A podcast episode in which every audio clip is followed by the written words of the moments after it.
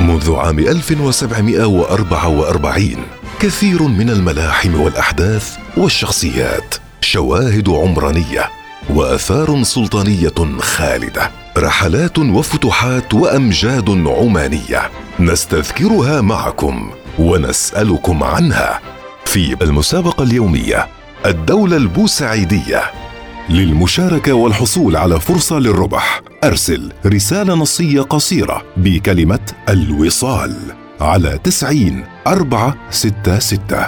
السلام عليكم ورحمة الله وبركاته. أهلا بكم مستمعين الكرام. من أشهر قادة ورجالات الدولة البوسعيدية تنعته المصادر التاريخية بصاحب السويق. من هو؟ السيد هلال هو حفيد الإمام المؤسس أحمد بن سعيد من أصغر أبنائه السيد محمد حيث يذكر المؤرخ عبد الله بن صالح الفارسي في كتابه البوسعيديون حكام زنجبار السيد هلال هو ابن عم السيد سعيد وابن السيد محمد المعروف باسم الزوبعة وهو الملقب أيضا بهبوب الغبشة.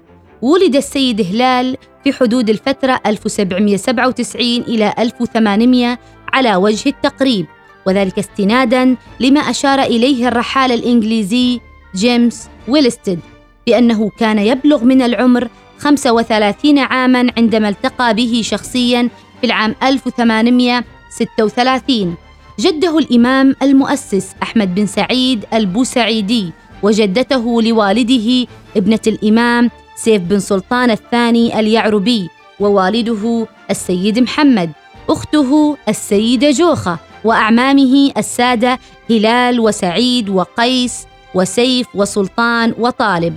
أما عماته فهن موزة وعفرة وميرة. تزوج السيد هلال بن محمد من ابنة عمه السيدة عائشة بنت سلطان وأنجب ابنا واحدا أسماه حمد. نشأ السيد هلال كما يبدو من سياق الأحداث التاريخية في السويق واتخذ من حصنها مقرا لإقامته. لذلك تنعته المصادر التاريخية بصاحب السويق. وظل الحصن مقرا رسميا لوالي السلطان على البلده وحاميته وممثلي الدولة وغيرهم حتى ستينيات القرن العشرين الميلادي ويمكن استخلاص ملامح من شخصية السيد هلال مما سجله ويلستد في رحلته للسويق. فمن ناحية الصفات الخلقية والخلقية يصفه ويلستد بأنه طويل وذو هيبة وكان كريما وسخيا ويدلل ويلستد ذلك بهدية حصل عليها السيد هلال تبلغ حوالي 800 إلى ألف دولار وبدلا من الاحتفاظ بها قام بتوزيعها على أتباعه كهدايا كما يصف ولستد المهارات القتالية التي تحلى بها السيد هلال فيذكر بأنه متفوق في النشاطات الحربية كلها وهو يحب الصيد وكذلك الرياضات الميدانية الأخرى وأعتقد أنه أقوى رجلا في دولته جسمانيا رغم أن بدنه نحيف ظاهريا هذا إلى جانب رشاقته وخفته. أما من ناحية المكانة الاجتماعية التي تحلى بها السيد هلال ومستوى الرفاهية ورغد العيش الذي عاشه فيقول ولستد يعيش السيد هلال في أبهة أكثر من جميع زعماء عمان. أما عن النفوذ والمكانة السياسية التي تمتع بها السيد هلال فيعبر عنها ولستد من أن السيد هلال هو الوحيد من بين شيوخ المنطقة الذي يناظر السيد سعيد بن سلطان. تولى السيد هلال السويق وأصبح بمثابة الحاكم عليها. وهنا ينعته السالمي في كتاب تحفة الأعيان بصاحب السويق. وقد تولى هذا المنصب بعد وفاة والده السيد محمد الذي أدرك جزءا من فترة حكم ابن أخيه السيد سعيد بن سلطان.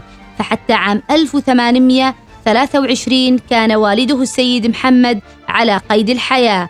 فيذكر السالمي وأما السويق فكانت في يد محمد ابن الإمام ثم صارت في يد ولده هلال بن محمد.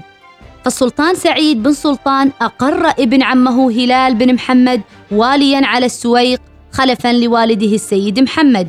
توفي السيد هلال في ربيع الأول من عام 1278 للهجرة سبتمبر من عام 1861 للميلاد.